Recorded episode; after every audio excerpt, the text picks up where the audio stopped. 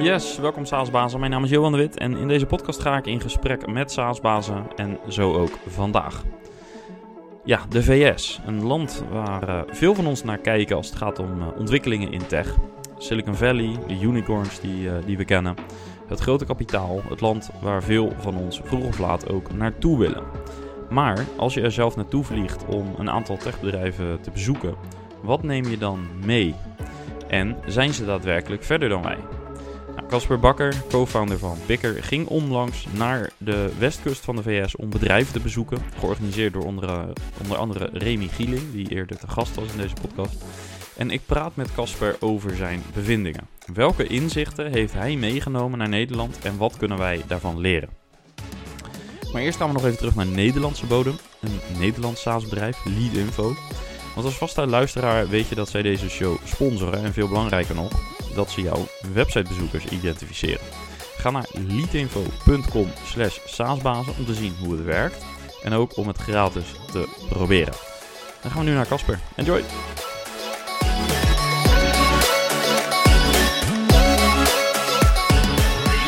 Ja, Casper, welkom terug. Dankjewel. We hebben ooit aflevering 6 en 7 samen opgenomen. Ja. Um, toen ging het over, uh, nou, over heel veel. Uh, vandaar dat het twee afleveringen waren. maar vooral ook over uh, ja, wat rust in je bedrijf kan betekenen, in je SaaS-bedrijf. En in aanloop naar dit gesprek, um, we gaan het vandaag hebben over jouw bezoek aan Silicon Valley. Toen dacht ik eigenlijk, hey, dat is een wel een interessante tegenstelling.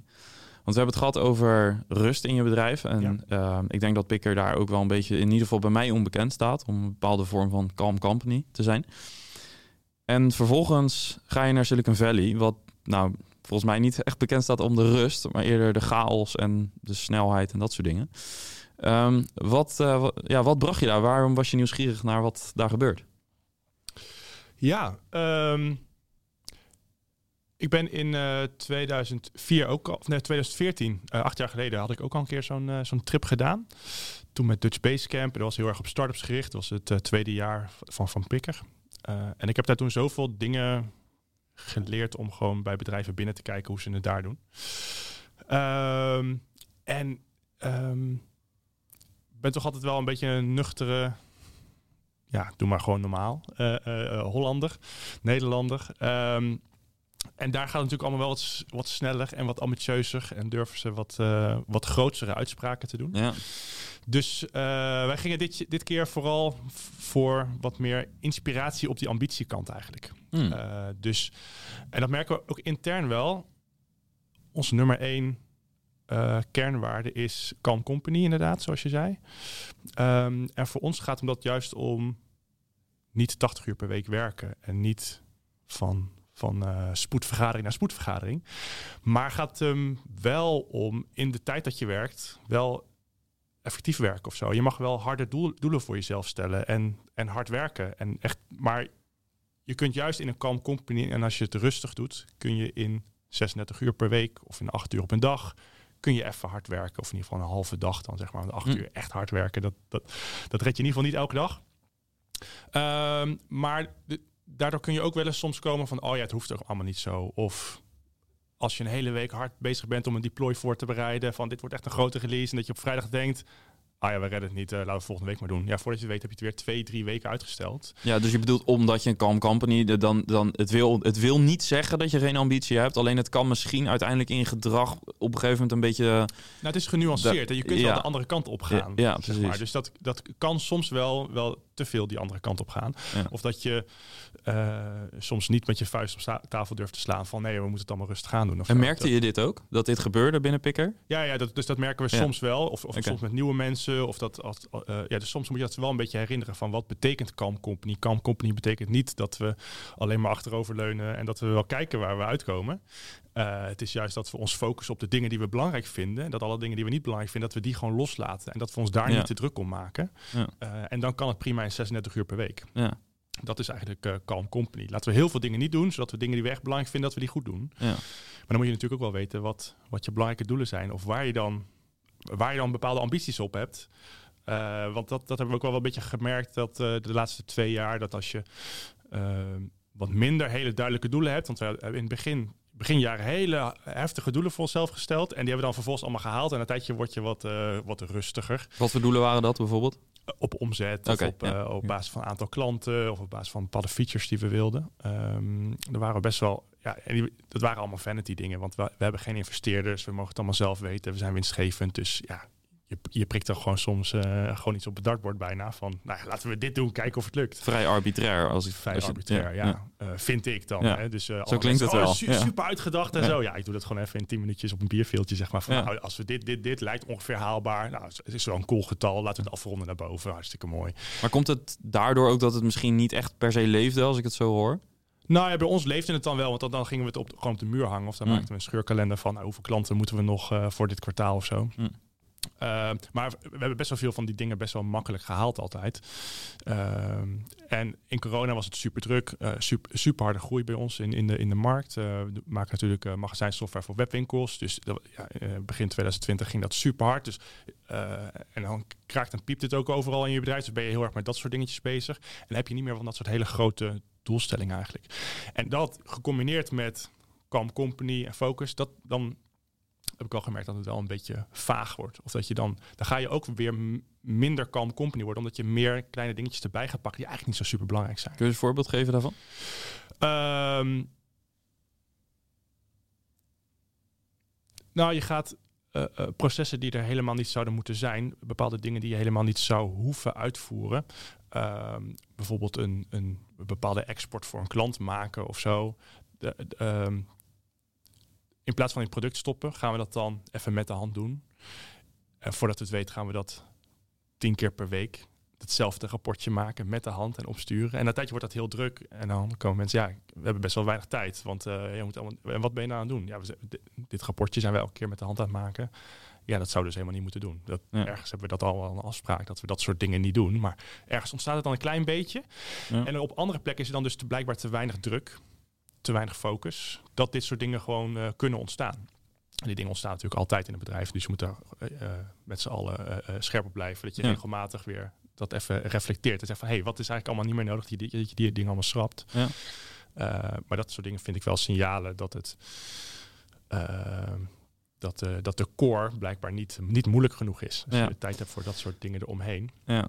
Dus we zijn uh, uh, dus we kregen een mailtje van, van, van Remy. Misschien goed om erbij te zeggen. Dus we hebben een trip gedaan naar, naar Amerika. Ehm, door Remy Gieling van AI.nl en uh, en Martijn Haman van uh, Endite Capital. Die hebben het samen georganiseerd. Dus ik kreeg een mailtje van Remy via iemand anders van... hey, vind je dit leuk om hier mee te gaan? En het past eigenlijk perfect. Dus ik kreeg vorig jaar ergens in uh, september of zo dat mailtje. Ik dacht, oh ja, acht jaar geleden dat ik de vorige keer de trip had gedaan. Toen heel veel van geleerd. Nu weer een beetje zo... bijna in de dagelijkse sleur, zeg maar, om het zo te zeggen. Dus het is ja. wel weer leuk om weer eens iets wat anders te doen. Ja. En acht jaar geleden heb ik het alleen gedaan. Maar, maar toen had ik ook al, met, werkte ik ook al met mijn compagnon Stefan... Dus nu zei ik, hey Stefan, vind je het leuk om mee te gaan? Uh, Stefan was nog nooit in Silicon Valley geweest, wel een paar keer in Amerika, maar andere delen. Dus dachten nou, laten we dat samen doen. Dan kunnen we het ook meer samen over hebben, over wat ja. we allemaal zien, in plaats van dat, dat ik erover vertel van kijk eens wat ik gezien heb. Ja. Dus, ehm, dus dat is wat we gedaan hebben, ja. Tof. Ik wil zo een beetje naar het gedeelte ja. Amerika, maar nog even terug naar Calm Company. Um, waarom is het belangrijk om dat zo te definiëren? Um, omdat um, wij denken dat je daarvan uiteindelijk het beste product krijgt. Zeg maar. je, je moet altijd keuzes maken. Hè? Dus of je nou 60 uur werkt of 80 uur werkt of 36 uur per week werkt. Je moet altijd. Je hebt altijd meer ideeën dan dat je kunt, uh, kunt werken. En wij denken dat je uh, om echt goede software te maken, waarbij echt alle features en zo goed werken, en waarbij het de hele flow goed voelt.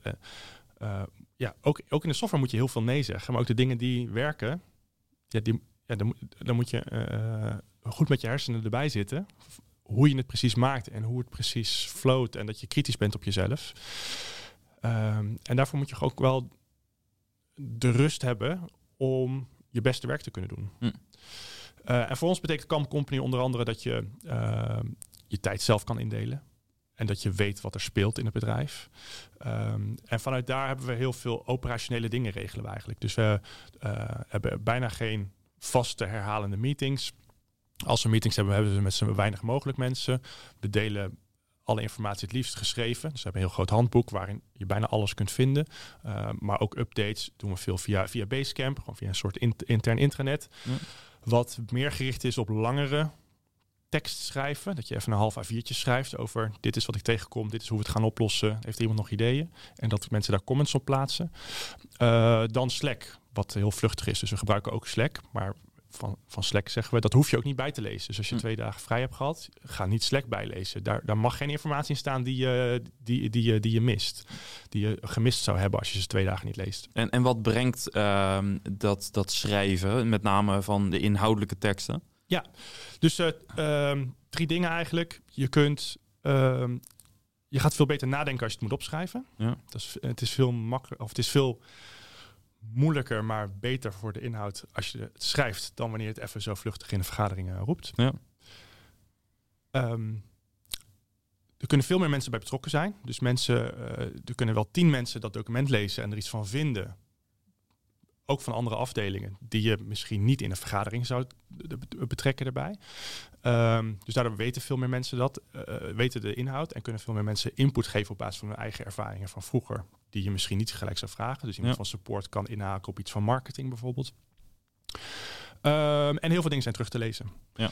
Dus we merken ook dat mensen die uh, net drie maanden bij ons werken, zelf al informatie terugvinden van ja, nee, maar we moeten dat niet doen hier en hierom. Wat uit een post komt van twee jaar geleden. Ja. Omdat ze op het onderwerp gezocht hebben en de discussie gelijk gevonden hebben. Dus het is net als dat je alle, uh, alle meeting notes voor altijd nog weer, uh, nog weer terugvindt. Zeg maar. Ja, dus je hebt dus dat zijn een beetje de drie belangrijkste dingen waarom soms voelt schrijven moeilijk. Van ja, ik kan toch even diegene even bellen. Ja, en dan moet je daarna alsnog opschrijven om te delen met de rest of zo. Dus dat, dat, uh, dat, for, dat forceert een aantal dingen, waardoor je wat uh, op heel veel plekken meer rust krijgt in het bedrijf. Ja. Uh, want je hebt niet het gevoel van, oh, ik kan vandaag geen vrij nemen, want ik dadelijk heb ik heb me zit al helemaal vol met ik meetings. moet nog synchroon zeg maar iets doen. Kan, ja. kan, ik kan ik er niet aan bijdragen? Kan ik later niet teruglezen? En dan mis ik dingen. Ja. Dus dat um, uh, ja, bijna die, je, je, moet bijna zorgen dat je geen FOMO krijgt. Zeg maar. Dus als, als mensen in je bedrijf uh, fear of missing out krijgen, van ook oh, moet daarbij zijn of moet daarbij een zegje kunnen doen. Voor ons is dat een teken van, oh, dan, uh, dan is het niet goed. Dan, dat is niet de basis voor ons om, om je beste werk te doen eigenlijk. Ja. Ja, dat is mooi. Ik moet ook een beetje denken aan een uh, interview dat ik laatst zag tussen Theo van Gogh en Maarten van Rossum. Een oude opname van heel lang geleden. Ik en... ook tegen op YouTube. Oké, ja, het wordt, de, de, de, interviews van Theo van Gogh worden weer massaal geüpload. Wat ik heel goed nieuws ik, vind. kwam die ook tegen, ja. En uh, ik weet niet of je hem hebt gezien, maar ik klikte op uh, afspelen. Want ik vond het een fascinerende combinatie, die twee. En ik vond de eerste vraag van Theo van Gogh ook fascinerend. Want die, ze vroeg aan Maarten, ik parafraseer, want ik weet niet precies hoe die het zei. Maar um, die zei, uh, vroeg zoiets aan Maarten als... Um, hoe komt het dat uh, jouw, column, uh, jouw columns in, in, in de krant, dat die het uh, venijn missen, of het volgens mij noemde hij het vuurwerk missen, um, van ja, je betoog op televisie, je verbale betoog. En toen gaf Maarten Verrossum ook aan dat schrijven en praten zo'n totaal ander proces. Uh, dat zijn totaal andere processen. Waarbij je bij praten eigenlijk. Ja, je weet vaak aan het begin van de zin nog niet precies waar je gaat uitkomen, maar je komt er wel. Ja. En bij schrijven moet je, je wordt gedwongen om er beter over na te denken. En op het moment dat je iets opschrijft, ga je ook iets meer reflecteren van ja, klopt het wel wat ik hier opschrijf? En zou je niet met hetzelfde gemak het tegendeel kunnen bewijzen? Dus dat was een beetje het antwoord vrij vertaald van, van Maarten van Rossum. En toen dacht ik ook, ja, dit is denk ik de kracht van geschreven tekst ook in organisaties. Ja. Uh, met mijn start-up doe ik daar ook iets mee. Vandaar mijn interesse in dit onderwerp. um, en ik geloof daar inderdaad heel erg in. Het is wel een stuk moeilijker, denk ik, om echt je gedachten op papier te krijgen. Dat kost meer tijd. Maar als het je lukt, geeft het veel meer context. En uh, schrijven is denk ik een van de meest verhelderende dingen die je kunt doen. Dus, uh, 100 procent. Ja. ja. want wij merken ook met nieuwe mensen die bij ons komen. Sowieso merken we dat als je dus niet meer de rust hebt en de kalmte hebt, dat het heel moeilijk is om te gaan schrijven. Dus het is heel moeilijk om vol in die operatie en alles druk en meetings, meetings. En nu even, oh, ik heb even een half uurtje, laat ik even mijn gedachten op papier zetten. Het is veel makkelijker als, je, als het rust is en kalm is. Dus uh, vaak als mensen bij ons zeggen dat het lastig is om het op te schrijven, dat ze er geen tijd voor hebben, dan is het oké. wat ga, plan gewoon even een dag waarbij je echt helemaal niks operationeels doet of geen meetings hebt. En en gaan dan in de tweede helft van die dag bijvoorbeeld dingen schrijven. Maar neem echt die rust, want anders je kunt ook niet schrijven tussendoor. Je moet eerst de rest eromheen ook weer regelen. Ja. Uh, Maar het is helemaal waar. Ik heb, ik heb het zelf ook. Dat, uh, dat ik denk dat het plaatje wat ik in mijn hoofd heb helemaal super helder is. Van het past helemaal mooi in elkaar. Hè? Ja. Bijvoorbeeld een nieuwe feature of zo. Van oh, dan als je daarop klikt en dan daarop klikt. Ik heb het helemaal voor elkaar. Dan ga ik het opschrijven. En dan bij de tweede linie denk ik, uh, dat klopt niet. Tussen stap A en stap C mist nog ergens iets. Maar wat? Ja. het is eigenlijk heel moeilijk om aan elkaar... En dat valt pas op als je het... uh, of soms met een design, of je het echt uit gaat tekenen. Of, of een, een verhaal, een concept wat je uit gaat schrijven.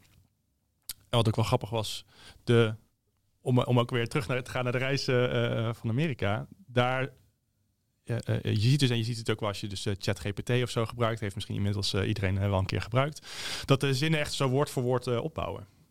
dus ik vroeg ook aan iemand bij ons op de reis die, die meer daarmee doet van, is dat een visueel trucje? dat die woorden zo na elkaar komen? Of is dat, komt dat echt uit het model?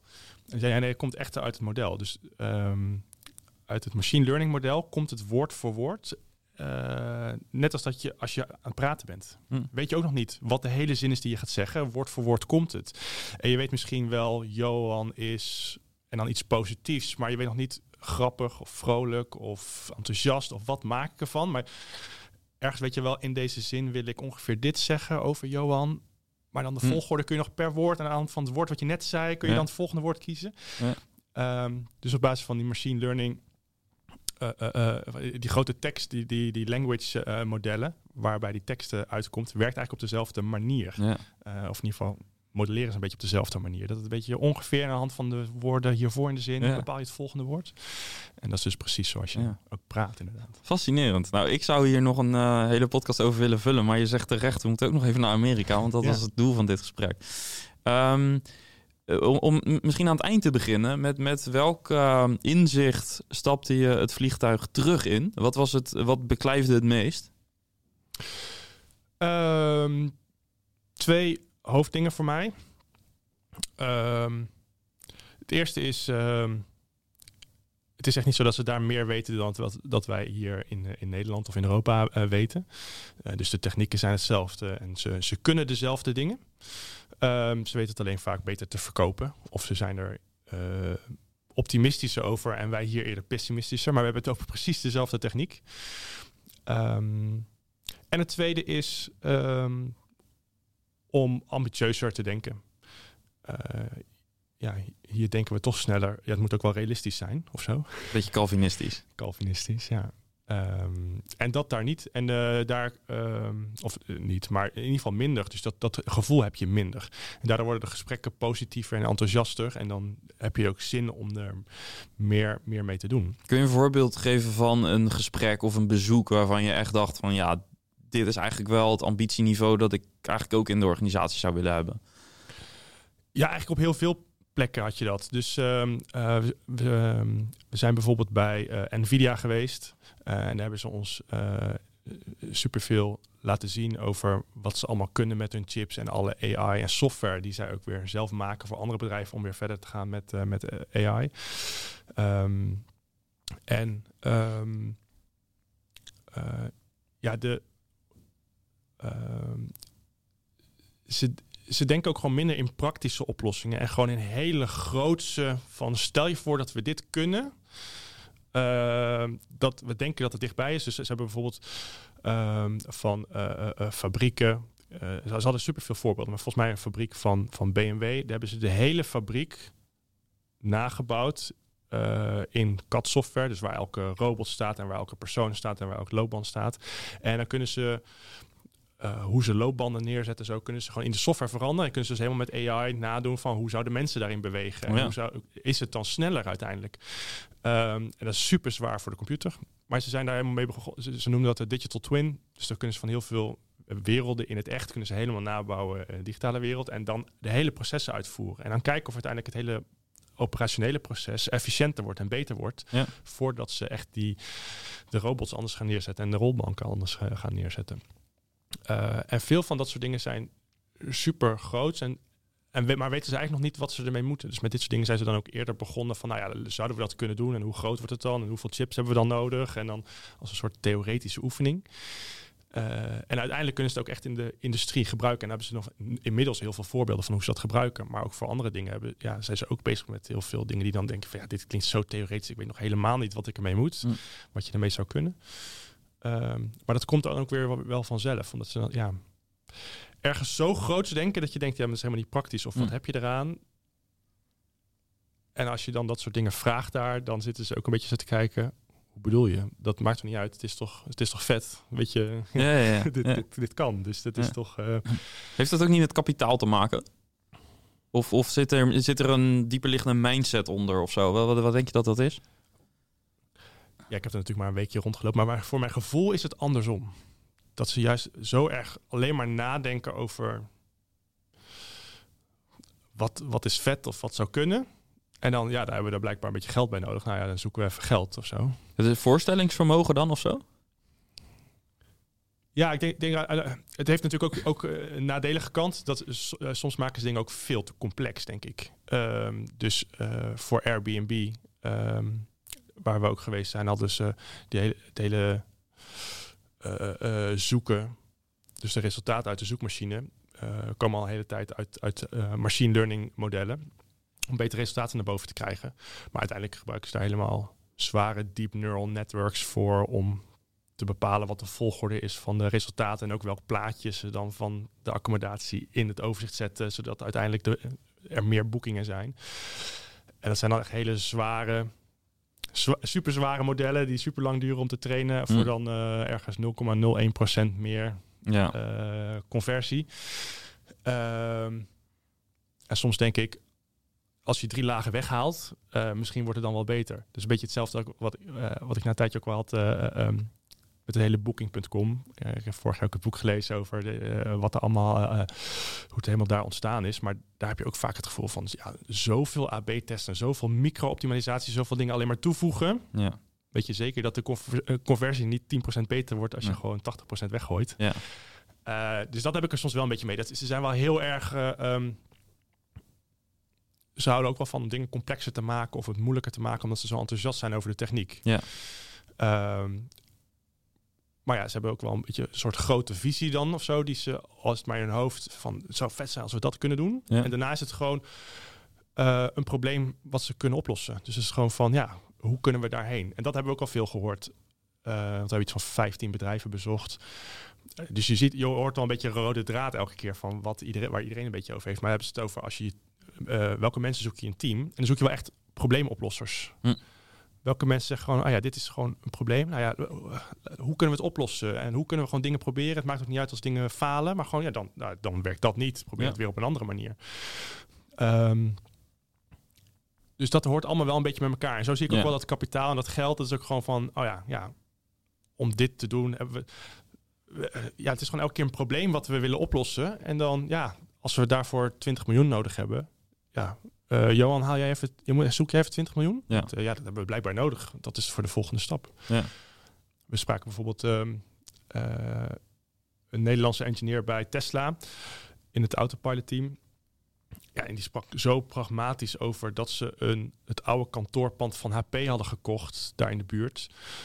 Want ze gaan die, die Dojo supercomputer gaan ze bouwen bij Tesla. En uh, ja, ze hadden even uitgerekend hoeveel van die chips ze nodig hadden, hoeveel racks ze nodig hadden en hoeveel stroom ze nodig hadden. Maar stroom konden ze bijna nergens krijgen. Maar ze hadden dus gevonden dat het oude HP-kantoor een stroomaansluiting had, wat anderhalf keer was wat zij nodig hadden. Dus ze hebben dat gebouw gekocht of gehuurd. Um, maar um, voor die stroomaansluiting, zodat ze daar die supercomputer kunnen hm. opbouwen. En zoals ze erover praten, is zo pragmatisch of zo. Zo van ja, dat is ja, dat was het makkelijkst. Uh, dat, is, dat is de eerstvolgende hurdle die we moeten nemen. Dus dan uh, laten we dat maar doen. Ja. En, en wat van uh, deze inzicht heb je kunnen meenemen of misschien inmiddels al kunnen implementeren in een bepaalde vorm in, in Picker? Ja, we zijn al gelijk ehm, aan de gang gegaan met wat grotere doelstellingen. van wat als de doelen die we hebben, als we die keer tien kunnen doen. Hoe ziet het er dan uit? Um, en, en, en, neem ons even mee in het proces. Dus je stapt uit het vliegtuig, uh, je bent hyped, je hebt inzichten. Um, hoe stapte je de eerste keer het kantoor binnen en, en uh, wat heb je echt met het team besproken? Hoe, hoe heb je het gedeeld? Ja, nou, wat wel grappig is ook om te vertellen. ehm, toen ik ehm, in het vliegtuig was ik nog super hyped. Dus, eh, dus de- en we zijn daar ook nog eh, bijna een week gebleven. Eh, dus Stefan en ik hadden veel tijd om het daarover te reflecteren en daar nog zelf eh, een paar bedrijven te bezoeken. Ehm, dus super hyped, veel nieuwe ideeën en in het vliegtuig ook. En eh, in het vliegtuig had ik wifi, dus ik was ook nog met mensen aan het whatsappen allemaal, super enthousiast en super positief. En ik kwam in Nederland het vliegtuig uit, ik stapte het vliegtuig uit en was even van, oh ja, nee, ja, Reality check. ja, het regende, het eh, was donker. Oh ja, dit is. Oh ja, het voelde opeens van waarom. Het voelde opeens zo'n Nederlandse druk of zo. Van Ja. waarom doe je nou zo ambitieus? Doe eens Dat- even lekker normaal, joh. Het Calvinisme Ja. daalde op je neer. Ja, bijna als een blikseminslag, inslag zeg maar. Niet eens. Het was zo gek gevoel. Had Stefan dat ook? Eh, nee, wat minder. Maar die is, die is sowieso wat, de, wat minder van de highs en wat minder van de lows. Oké, iets meer mellow dan, eh, dan dat, eh, dat ik ben. Ehm, maar ehm, we hadden we allebei en Stefan ook van, nou ja, hoe, hoe eh, vallen we niet in ons oude patroon? Hè? Hoe houden we deze vibe en deze energie vast? We hadden heel duidelijk ehm, van, oh ja, is precies waarvoor we van tevoren daarheen wilden. Van nou ja, laten we wat meer uit onze comfortzone en wat meer durven en wat meer gewoon, gewoon durven roepen. Durf, durf gewoon te zeggen waar je goed in bent. Eh, en je hoeft er niet gelijk bij te vertellen waar je niet goed in bent. Eh, in plaats van zeggen, ja, ja, het valt allemaal mee. Ehm, en laten we, laten we dat, dat positieve en dat ambitieuze vasthouden. En ehm, we hebben best wel veel coole dingen gedaan. We hebben best wel gaaf bedrijf opgebouwd. Het is best wel leuk om bij ons te werken. En het is best wel gaaf om onze software te gebruiken. Ehm, en we mogen dat best zeggen. Eh, en we mogen daar best. Het is niet zo dat het daar in Amerika allemaal super veel beter is dan dat we hier doen. Eh, dus dat, dat is ook wel goed voor je eigen zelfvertrouwen. of Zo. Van wat, we, wat we doen is best wel cool. Ja. En daar mogen we ook best wel gewoon trots op zijn. En, ehm, en, dat, en het ambitie, eh, ambitieuze vasthouden. En dat we nog weer. eh, weet je, we zijn ook hier gekomen met het ambitieuze van het begin. En elke keer van die heftige eh, doelen voor onszelf stellen die totaal arbitrair waren. Maar dan haal je ze en dan, oh ja, oh, blijkbaar Mm. was het toch best makkelijk. Nou, Ja. laten we het de volgende keer dan wat groter neerzetten. Ehm, en ergens eh, eh, praat je jezelf dan in die jaren, voor- mezelf in ieder geval, heb ik mezelf een beetje aangepraat van ja, doe, doe maar even normaal joh. Waarom zou je zo'n groot doel neerzetten of zo? We hebben geen investeerders, dus we hoeven geen groot doel neer te zetten. Of Want wat betekent een groot doel dan voor jou in misschien de pre-Amerika-reis? Wat roept dat op? Als je al, al, al had je toen gezegd, we moeten 10x. Ja. Wat, wat, wat voor gevoel komt er dan omhoog? nou ja, waarom dan? Hm. Dat is het gevoel dat bij me ook komt. Ja. Jij moet het 10x. En waarom? Maar niet, Wat, niet, wat, wat is het nu niet goed? Of Maar is niet- het, is niet het waarom. keer ook niet goed? maar niet waarom van, eh, van eh, iets positiefs, maar meer eigenlijk als van, ja, maar waarom is dat nodig? Ja, waar, Ja. waar- waarom 10x? Wat, wat is er dan beter? Of de, de klanten die we nu hebben, wordt onze software beter als we tien keer zoveel klanten hebben? Ja. Of, ehm, of hoeveel... We zijn nu super efficiënt. Hoeveel inefficiënter moet het als je het super groot maakt? Weet je dat? Je ziet natuurlijk ook veel slechte voorbeelden hè, van, van bedrijven die, waar super veel geld in gaat, wat Ja. super hard groeit. En wij maken in absolute euro's meer winst dan zij. Ja. Zelfs op het moment dat ze wel eh, eh, moeten, moeten switchen. Of Ik die, denk die dat moeten nu in één keer switchen. En, eh, Zeker ik- nu, vandaag, de, Ja. nu, de, de- deze tijd is denk ik... eh, ja, dus het is ook wel grappig. De afgelopen vier, vijf jaar heb ik heel vaak gehoord van, van andere ondernemers eh, die wel geld hebben opgehaald. Eh, dat ik, als ik alleen al zei dat ik geen investeerders had, zeiden ze: Oh, ben ben je niet ambitieus? Ja. Nou ja, jawel, maar ik hoef niet op een andere manier dan, eh, dan jullie misschien. Eh, en al die mensen sinds begin vorig jaar, sinds februari 2022, zeggen die allemaal: Oh ja, wel gaaf eigenlijk hoe jij je bedrijf hebt gericht. Ja, wij, wij, wij gaan nu ook een beetje switchen naar jullie model. We, we gaan ook focussen op profitable worden. Ja, Ja, ja, en überhaupt ja. op efficiëntie. Of eh, welke dingen zijn, eh, welke dingen moeten we wel doen en welke dingen moeten we niet doen, omdat ze gewoon totaal inefficiënt zijn. Ehm, maar dat, ehm, het is natuurlijk niet zo dat als je zegt we gaan 10x, dat het betekent dat je inefficiënt moet worden. Dus we hebben nu een heel groot, eh, eh, groot doel voor onszelf eh, gesteld intern. Ehm, en daarbij is wel, we gaan dat halen op onze eigen manier. op onze manier met dat we een calm company zijn intern. Dat betekent dus niet dat we geen ambities hebben, maar dat betekent dat we het rustig doen, dat we dingen opschrijven, dat je dingen terug kunt zoeken, dat je elkaar niet de hele dag hoeft te storen om je werk te kunnen doen. Ehm, en wel met een supergoed product waar mensen heel erg blij zijn om dat product te gebruiken. Uh, een lagere churn vind ik belangrijker dan superhoge Mm. uh, nieuwe klanten die aankomen, zeg maar. Dat betekent niet dat nieuwe klanten niet belangrijk zijn. Weet je, het is, het is en-en. Dus het is een Ja. beetje genuanceerd elke keer. Maar dat, ja, dat Maar het is ook misschien het, het, het kalm dat dat woord misschien zoveel oproept bij ons dat we automatisch al denken kalm dat, dat daar gebeurt niet zoveel. Dus dat is dus eh, zou je kunnen zeggen een calm ambitious company. Zou dat beter de lading dekken van het huidige picker dan bijvoorbeeld? ja, misschien wel. Want, want die ambitie waar je mee terug bent gekomen, dat is, je, je hebt het al een aantal keer nu genoemd. Dat is volgens mij wel het belangrijkste inzicht of de belangrijkste takeaway die je hebt meegenomen. Om Ja. ambitieuzer te zijn, eh, in combinatie met eh, kalm blijven. Dus, dus eh, dingen efficiënt en goed blijven doen. In plaats van growth at all cost. Ja, en dat het dat, ehm, dat als je één ding zegt, dat het niet betekent dat je de rest niet belangrijk vindt of zo. Hè? Dus dat het. ehm,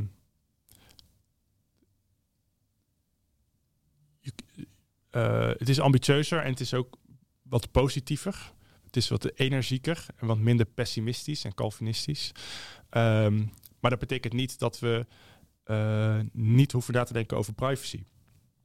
Uh, of dat we niet hoeven na te denken over onze bestaande klanten. Het is niet zo dat om die groei te halen, Nee. dat we iedereen als shit moeten behandelen. Ehm, maar ja, je hoeft het ook niet elke keer bij te zeggen. Nee. En dat, eh, dat merk je wel een beetje al- als je daar rondloopt ten opzichte van hier. Dat het, ehm, eh, weet je, dat had ik, het viel me ook heel erg op ehm, in de sessie met, eh, eh, met René eh, over eh, product-led growth, waar ik, eh, waar ik bij was. Ehm, als René wat vertelt van, ik denk dat je het zo zou moeten doen. Dus heel snel dat er vijf handen de lucht in gaan van, ja maar, dat kan niet om dit of dat kan niet om dat. Het is niet van, oh ja, en hoe zou je dan dit doen? Het is, nee, dat kan niet, want...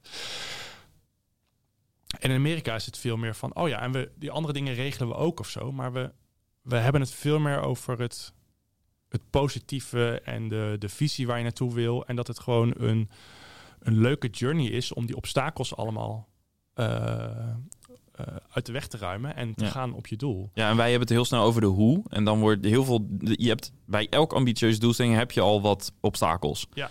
En wij focussen ons misschien van nature iets meer daarop. Ja. Terwijl. En ook wat pessimistischer daarop. ja, hè, precies. van, dus ja, dat, van hoe, gaan we dat dan, doen? Ja, lekker ja, boeien. precies. Eh, ik heb nu eerst twee andere obstakels. Ja. Die ga ik eerst even in verdiepen. En eh, ja, Ja. daarna komt het andere wel weer. Ja, Ja. dat, Ja, dus generaliseer een beetje, maar bij ons Ja. ehm, gaan de gezichten wat somberder staan, gaan de schouders naar beneden. En bij de Amerikaan opnieuw generaliseren een beetje. Ja. Maar er komt energie in, dan gaat de borst vooruit en dan gaat oké, mouwen opstropen en gaan. Dat is eigenlijk wat je. wat precies. je- ja, ja. Ja, en dat is... Kijk, er zijn natuurlijk meer verschillen, maar dat is in ieder geval iets wat me opviel. ja, precies. En waarvan ik denk dat je dat prima naar Nederland kan halen. Maar hoe. hoe eh, eh, ja, hoe? want, want, want eigenlijk hierin, in, in mijn vraag zit eigenlijk al, eh, nou ja, het, Het pessimistische. het, het pessimistische van, want, want in, in Amerika, je, je, je zit daar in de bubbel, zeg maar. Dus ik kom daar Ja. ook regelmatig, weliswaar niet zo intensief dat ik het ene bedrijf na het andere binnenloop om die energie te voelen, maar hier in Nederland ben je een van de weinigen, misschien nu met deze mindset. Dus hoe kun je, zeg maar, binnen je... Dus laten we het alleen even binnen jouw bedrijfsmuren. Het zou mooi zijn als we dat als, eh, misschien als hele SaaS zien ook wel wat meer kunnen doen. Maar even binnen, binnen jullie bedrijfsmuren. eh, hoe kun je dat levend houden? Want je zei zelf al, toen ik uit het vliegtuig stapte... dat moment was eigenlijk al toen... toen daar, daar merkte ik al dat er iets gebeurde. Ja. Dus hoe, hoe ga je dat... eh, hoe zou je dat kunnen doen? Of hoe doe je dat nu al? Ja, ik denk ehm, dat het ehm, dat er genoeg mensen zijn in Nederland ehm, die dat ook kunnen en die ook die, die positieve mindset hebben en die growth mindset om dingen te leren, om te ontdekken en obstakel van oh cool, hoe, hoe ga, leuk heb ik een uitdaging om iets te fixen. Kom op. Dus eh, zo in de eerste dagen weer in Nederland. En veel op gereflecteerd, veel geschreven om eh, te kijken waar het gaat. Ze zaten in mijn denken. Ehm, wel zoiets van voor mezelf van ik moet dus gewoon de mensen opzoeken in Nederland die ook op dezelfde manier denken en je gewoon omringen met die mensen, want die zijn er genoeg. Weet je ook als ik op een SaaS-basis event rondloop, zijn er genoeg mensen die ook enthousiast zijn en positief denken en ja, die kom je misschien niet tegen op een familieverjaardag. Maar ja, dan moet je het er daar gewoon niet over hebben. Dan heb je het daar lekker over het weer. En Ja. dan, ehm, eh, maar Dus omgeving doet veel. ja, omgeving doet veel. En ehm, ook eh, binnen Pikker ehm, hebben wij ehm, op heel veel vlakken hebben wij ander type mensen dan in een gemiddeld softwarebedrijf of in een gemiddeld bedrijf in Nederland. Eh, onze mensen op support bijvoorbeeld zijn, om het oneerbiedig te zeggen, veel slimmer dan eh, bij een gemiddelde supportafdeling. Eh, omdat wij willen dat iedereen bij ons op support eerste lijn support kan doen tot en met de moeilijkste lijn support. Omdat je gewoon een klant helpt en gewoon over de breedte van een onderwerp na kan denken en iemand echt kan helpen. En we houden dat betaalbaar om te zorgen dat mensen zo weinig mogelijk support nodig hebben. In plaats van, oh, we hebben heel veel support, laten we heel veel junior eerste lijns aantrekken bijvoorbeeld. Eh, of mensen die eh, eh, eh, dat net genoeg, genoeg kunnen. En niet, niet alleen maar standaard scripts kunnen afwerken eigenlijk. Eh, en niet, eh, niet meer kunnen. Ehm, ook op de software kijken we heel erg van hoe kunnen we niet met Scrum en met hele kleine user stories van tik ze allemaal maar af. Eh, ik zeg altijd dat je dan een beetje code monkeys krijgt in plaats van eh, echt softwareontwikkelaars. Bij ons moet iedereen die aan de software werkt nadenken over hoe is het nou het geheel en hoe maken we het nou mooi af en hoe is het nou gepolished. Daar moet niet een QA-persoon bij komen van om aan te wijzen wat er allemaal niet klopt. Zeg maar. dat, Ja. dat mag ook nog als extra laagje natuurlijk, maar het moet heel erg in de mensen zelf zitten. En dat is heel moeilijk om te vinden. Eh 80, 90 procent van goede developers die bij ons solliciteren, die wijzen we alsnog af omdat ze dit deel niet hebben.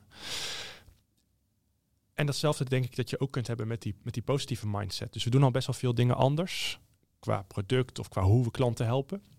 En dat kan ook wel, eh, dat doen we denk ik al best wel veel, eh, dat we dat we dus gewoon over eh, positiever dingen mogen neerzetten en gewoon kijken van nou hoe gaan we dat gewoon oplossen en hoe gaan we daar gewoon naartoe. Ja. Eh, en die, eh, dat is al best wel bij ons in het bedrijf. En ik denk dat het niet zo super grote stap is om dat voor Stefan en mij, om dat nog wat verder aan te wakkeren en te zeggen, dit is belangrijk en dit is, dit is, dit is wat we gaan doen. En dat, is- dat is ook wel hetgene wat we gelijk gedeeld hebben met het team. Ja, dus je hebt geen cultuurshock veroorzaakt.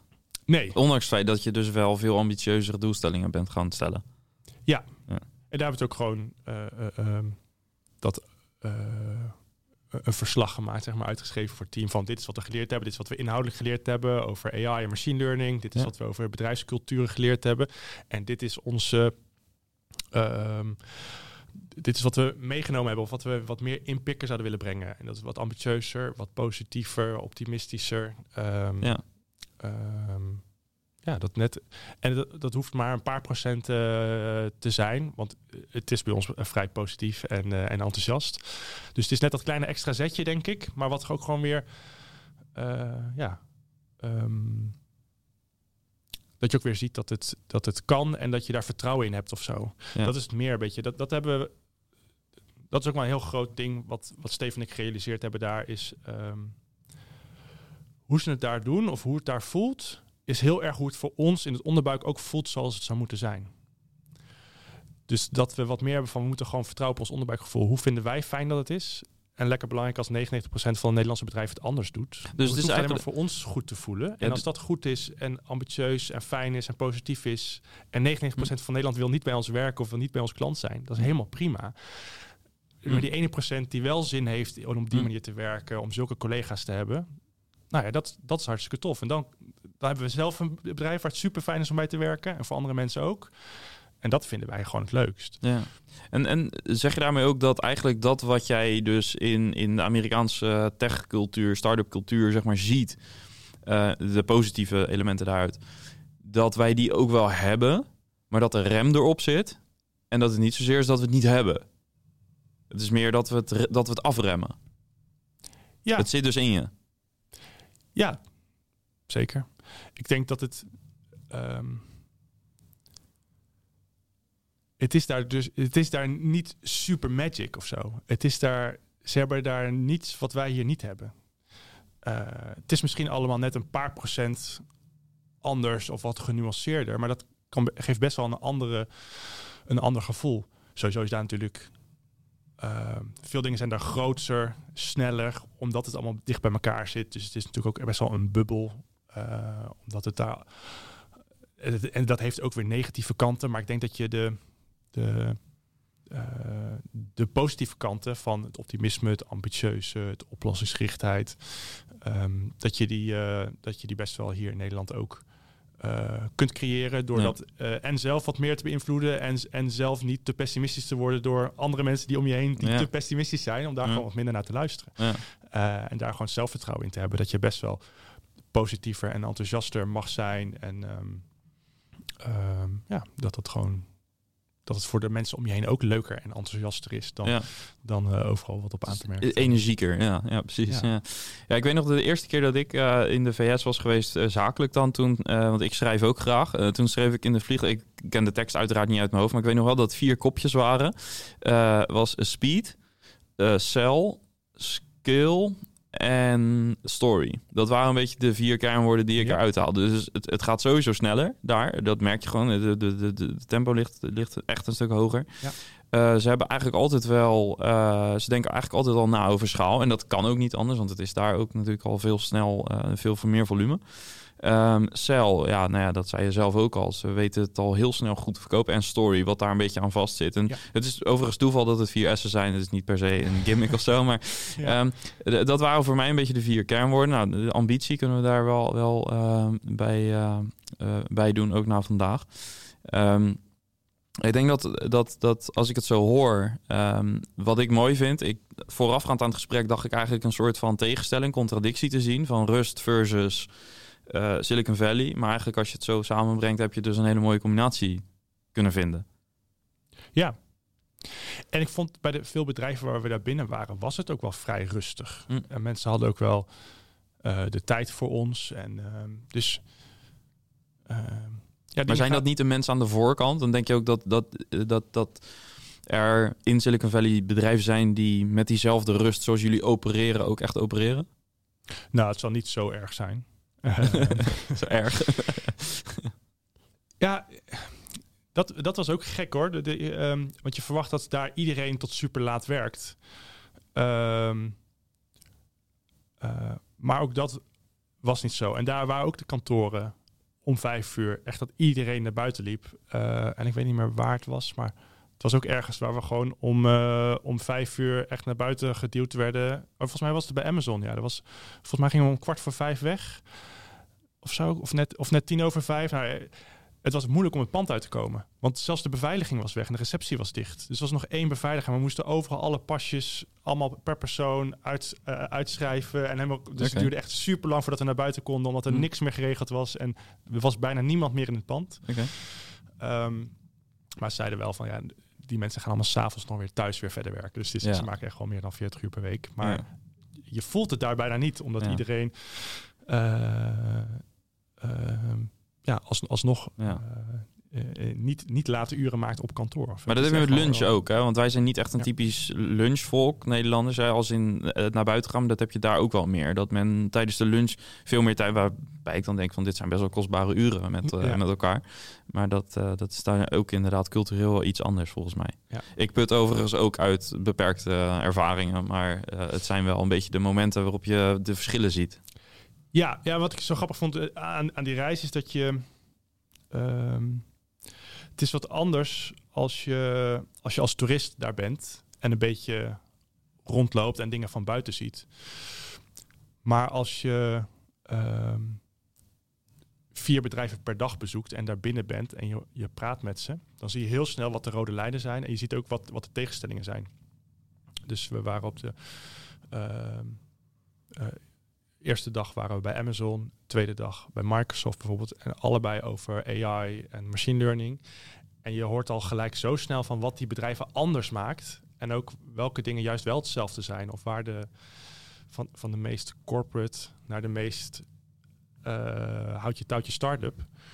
wat dus precies de rode lijnen zijn die daar heel erg in die Hm. cultuur en in ieder geval in die, in die omgeving daar zitten. En welke dingen wel van bedrijf tot bedrijf nog, eh, nog verschillend zijn. Hm. Bijvoorbeeld bij Facebook zijn ze veel losser in de aansturing en, en, en doelstellingen. En zo komen veel meer vanuit het team zelf. Hm. Terwijl het bij Amazon allemaal veel, veel strikter en georganiseerder is. En heel erg procesgericht. Ja. En helemaal vaste processen. Waarbij Facebook veel flexibeler Hm. is bijvoorbeeld. Maar toch die oplossingsgerichtheid en die... Dat, dat zie je dan overal hetzelfde. En die snelheid inderdaad. Ja, en cell en story kunnen ze inderdaad. Dat, dat, Ja. dus dat, dat, dat was het ding wat ik dacht van... Oh ja, qua techniek is daar helemaal niet veel beter dan hier. Alleen zij kunnen het veel beter verkopen. En Ja. denk gelijk over hoe ze het schaalbaar kunnen verkopen. Hoe, wat voor mooi story eromheen is. Hoe het voor de gebruiker is. Ja. En, en bij, bij ons blijven we daar veel te lang in hangen, denk ik. In het, Ja. in het technische of het technische uitleggen. Ja. Of zonder er een mooi verhaal van te maken. Ik vind ook altijd, altijd, als ik in Amerika ben, dat gewoon elke Amerikaan is gewoon een marketeer. Ja. Weet je, zelfs een, Ze weten het allemaal te zelfs een verkopen. zesjarig Ja. meisje die op straat loopt, die, die kan gewoon gelijk Ja. iets, iets verkopen bijna. Dat is, eh, de keerzijde is natuurlijk ook dat ergens moet dat ook wel, omdat het zo competitief is, dat Ja. hele land. Dat Ja, er zit altijd die strijd in. Maar, En je wordt overal wordt er van alles aan je verkocht, zeg maar. Ja. In letterlijke en figuurlijke zin. maar het is altijd Eh, wel leuk om te zien. Of zo, dat, ze dat, dat ze dat zo goed kunnen, dat het zo in die cultuur zit. Dat. Want ik vind marketing mooi en teksten mooi en story mooi. En het, is- dus het is zo grappig om te zien als je dat in zoveel mensen zo van nature ziet. Zelfs in, in, een, in een loodgieter of zo, die je ergens eh, helpt of zo. Ja. Er zit al gelijk een marketingachtig iets in. Ja, Dat ja, dat hebben ze echt tot kunst verheven. Grappig. Ja, als natie gewoon, ja, wat dat betreft. Ja. Alright, ehm, bedankt eh, dat je dit eh, wilde delen. Leuk. Ja. En inderdaad even nog credits aan eh Remy, die, eh, die jou... eh, Ja, Remy en Martijn. Ja. Superleuke trip die zij georganiseerd hebben. Dit was Ja. de eerste keer dat ze dat gedaan hebben. Dus helemaal gericht op AI en machine learning. En volgens mij is de bedoeling dat ze dit jaar weer, weer iets gaan doen. Dus als je het leuk vindt, dan moet je Remy maar volgen op ja, LinkedIn. Eh, AI.nl en Ja. op LinkedIn is die redelijk actief ook. Dus helemaal goed. Leuk, nogmaals dank. graag gedaan.